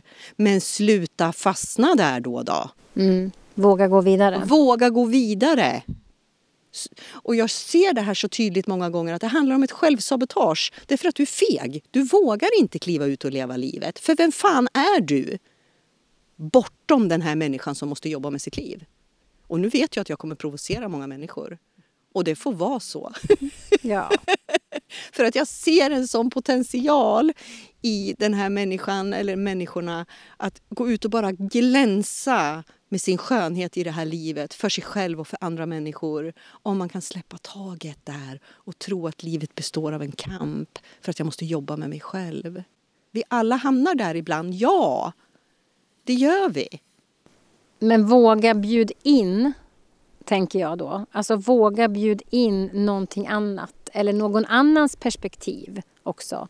Och ta emot ta det då med hela dig. Ja. Och göm dig inte bakom um, slöjan av att du behöver ta ett självansvar att jobba med dig själv. Utan försök att se det utifrån en annan plattform. Dra undan den här gardinen. Våga kliva ut och glänta lite på den. Och ta till dig, vad är det den här människan säger till mig? Mm. Har du provat det här? Har du tänkt så här? Hur känns det för dig om jag säger så här? Alltså ta in det i dig. I dig, bort, du som är bortom tron att du hela tiden måste gå in i en kamp för överlevnad i det här livet. Mm. Att våga glänta lite där. Det, för det finns alltid vägar framåt, utåt. Det här vi pratar om nu har vi ju sagt till oss själva. Alltså det är ju det, är det som är så roligt att vår podd är till för våra terapeutiska egna syfte till oss själva. Ja. Du har ju sagt många gånger till mig det här du säger. Eh, och eh, det tar ju lite tid ibland att landa i saker också. Eh, eller att man vågar landa eller vågar se det på ett annat sätt och så. Men av erfarenhet så gör det ju ändå att jag vet, jag verkligen vet att man lever i mer harmoni med sig själv i alla fall. Och jag vet också med mig själv, och det här behöver jag förtydliga nu, det är inte så att jag förringar någons arbete med sig själv för att det är en stor kärlekshandling som du gör till dig själv och till din omvärld, absolut. Men ibland har vi nått vägs ände när det handlar om det ansvaret och det jobbet. Att när det, det är när det blir eh, din sanning eh, att hela ditt liv utgår därifrån. Därför jag vill att du befriar dig från det och går ut och lever ditt liv på det sätt du är här för. Och jag vet att jag är född till den här jorden att vara en sanningssägare. Och det passar inte för alla. Jag gör inte det för att vara elak eller dum eller provocera någon eller förringa någons resa. Utan jag gör det för att ibland behöver någon tala om för dig att vet du vad, nu räcker det. Mm. Därför det kanske inte är för alla att våga stå där och säga det här.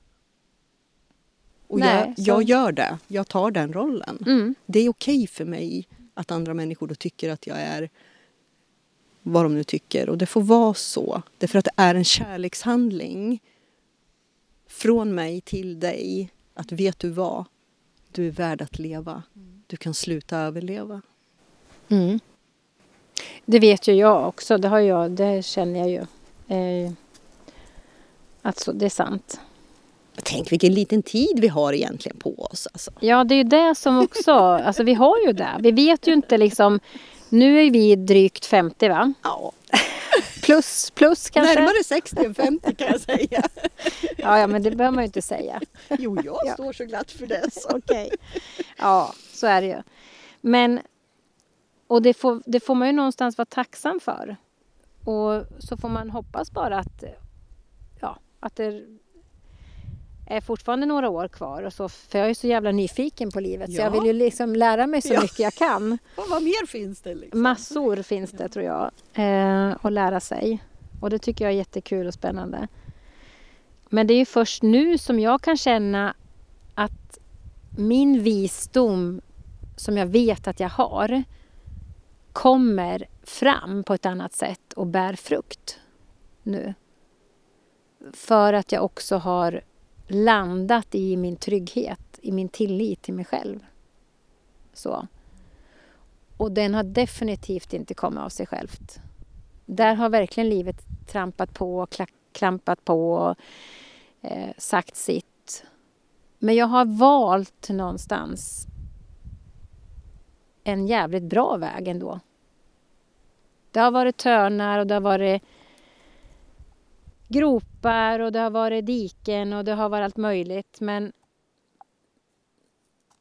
någonstans så har jag liksom en klok själ som lyser igenom och säger att jag är bra som jag är. Ja, precis. Mm. Och landa in i den. Och landa i det, ja. Och tacksam för att man har den själskopplingen så tydligt. Liksom, att, man, att man kan verkligen landa i det och känna det. Och nej, det är ingen av oss, tror jag, även om du och jag inte har gått all in och pratat om livet och våra resor ens med varandra egentligen på djupet så, eh, så, så vet ju jag att ingen av oss har levt ett liv som har varit någon slags dans på rosor. Eh, definitivt inte, utan vi har nog fått eh, jobbat med oss själva eh, och gör fortfarande. Oh ja. Och går igenom väldigt smärtsamma eh, perioder i livet. Men det är det som också är så här att det syns ju sällan på en människa utåt. Så andra människor kan ju inte se det här och det behöver de inte heller. Men jag tror man ska, jag tänker ändå att man ska vara, det är därför man ska vara försiktig med att döma eller värdera. Eh, för jag vet ju som sagt både att du och jag som du säger har gått igenom saker som, som har varit smärtsamma. Men det syns ju inte. Nej. Som kan se det. Nej. Det är ju inte så att vi går omkring med ett gips på kroppen någonstans som talar om och skriker att nu har det varit så här eller Nej. Utan, det är ju ingen som gör. Nej, det är ingen som gör utan eh, det är ju så det är. Um, men just att välja livet, det är någonting som vi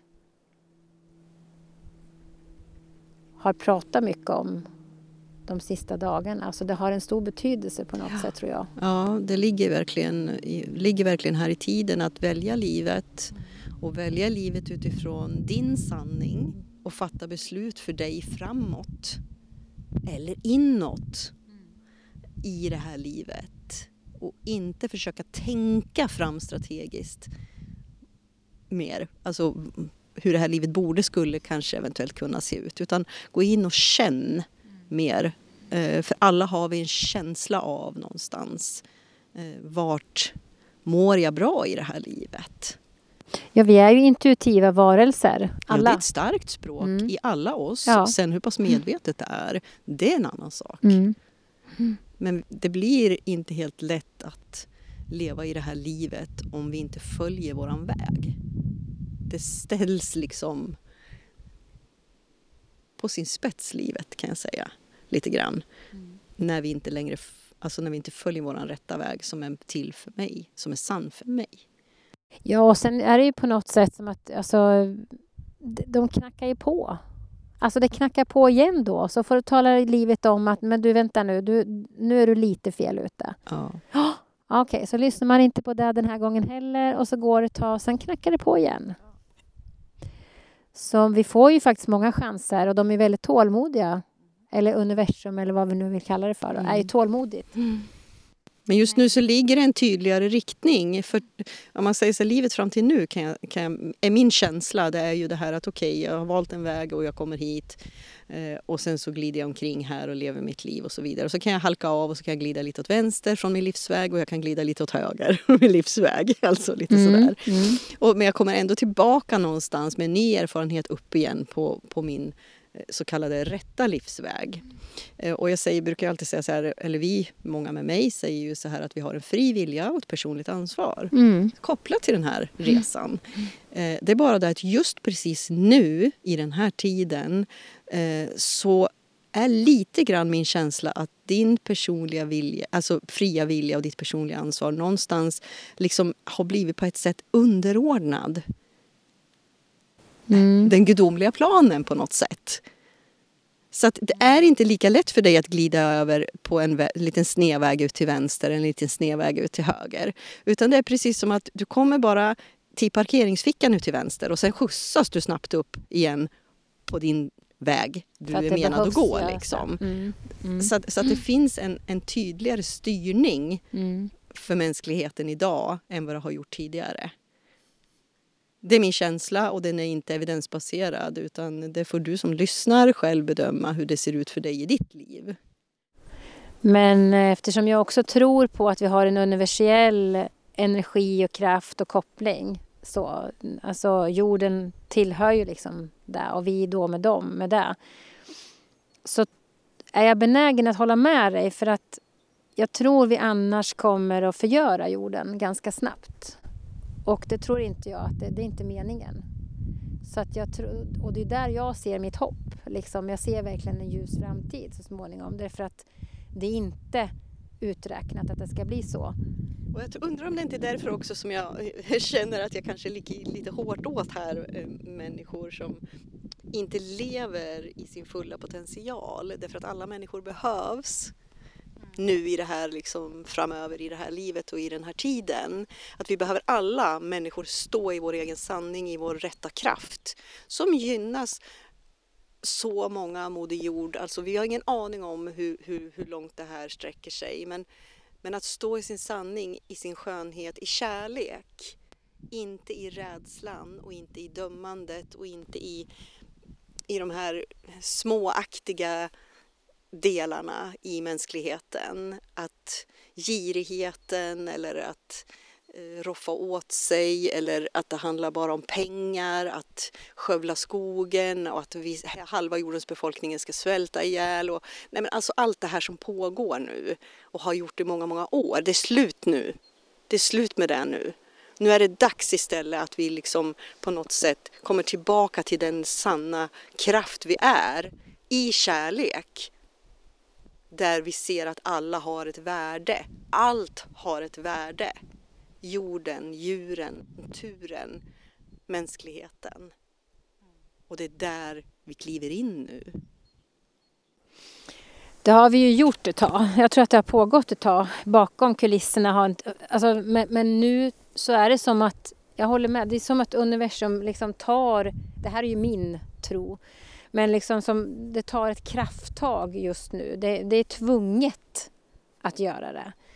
Mycket framförallt vad man skulle kunna liksom, tänker jag göra, det är ju att just bara prova gå ut och ställ dig i skogen. Om du inte brukar gå i skogen, ställ dig bara någon dag, en stund, fem minuter, två minuter, vad som helst. Börja liksom plocka in och känn det vördnadsfulla i det. Och att våran moder jord hela tiden tar emot, tar emot, tar emot allt som vi släpper ut. Både tankar, känslor, produkter och skit. Utan att överhuvudtaget få chansen att säga ifrån. Den, där den säger ifrån, det är ju våra naturkatastrofer, våra förändringar i miljö och allt det här. Och då blir människan kränkt över det. Det är också någonting som man ibland liksom, hallå, det är ju självklart att hon ska få säga... för att vi har en... Eh, eh, ja. ja men alltså förstå, nej, men jag känner bara liksom... Fan vad rolig du är. Släpp för fan en liten stund av ditt eget ego. Gör någonting. Bara känn känslan. Alltså den kommer verkligen att ge dig någonting fint. Men våga orka hålla ut också ett tag och förändra liksom. Det jag, det jag många gånger tänker på också och som, som jag brukar säga så här, att vi lever som människor i symbios med Moder Jord. Vi är en del av henne mm. i vår uppbyggnad, i alla, alla våra celler. Liksom. Ja. Eh, så att vi är inte mer än någonting Nej. annat levande på den här jorden utan vi består av samma saker ja. i grunden. Mm. Och vi lever i ett slutet system. Vi har det syre som vi har i den, innanför vår atmosfär, alltså säg i den här ballongen som finns runt Moder Jord. Det är samma vatten som finns, det kommer varken att bli mer eller mindre, det är samma mängd mm. alltid. Det är bara det att den består av olika former. Mm. Alltså, jag mm. orkar inte. Nej. Men du förstår vad jag är ute efter ja. här. Alltså, vi lever i ett slutet system här. Ja, men ändå, ändå så är det som att människan tror sig vara utanför det här. Ja, och kan kontrollera den. Ja. Och bestämma och över den. Och styra och bestämma. Ja, är inte det lite häftigt? Jo, faktiskt. Ja. Så genom att säga det här nu då så försöker vi återigen medvetandegöra dig som lyssnar. Mm. Vem vill du vara? Mm. Vad vill du bidra med? Hur kan du skapa det liv du vill leva mer medvetet? Ja. För att bidra till dig själv och till alla andra. Mm. Det är egentligen en bön vi har. Mm. Precis så enkelt kan det vara. Eh, och eh, svårt. Ja. Men jag tycker att det kan avsluta. Ja våran stund här i skogen. Ah, jag vill aldrig gå hem, jag kan Nej, stanna här vi kan stanna men vi avslutar vårt avsnitt här då. Det gör vi. Ja, på återseende och vi hörs och jag säger puss och kram. Tjing på det.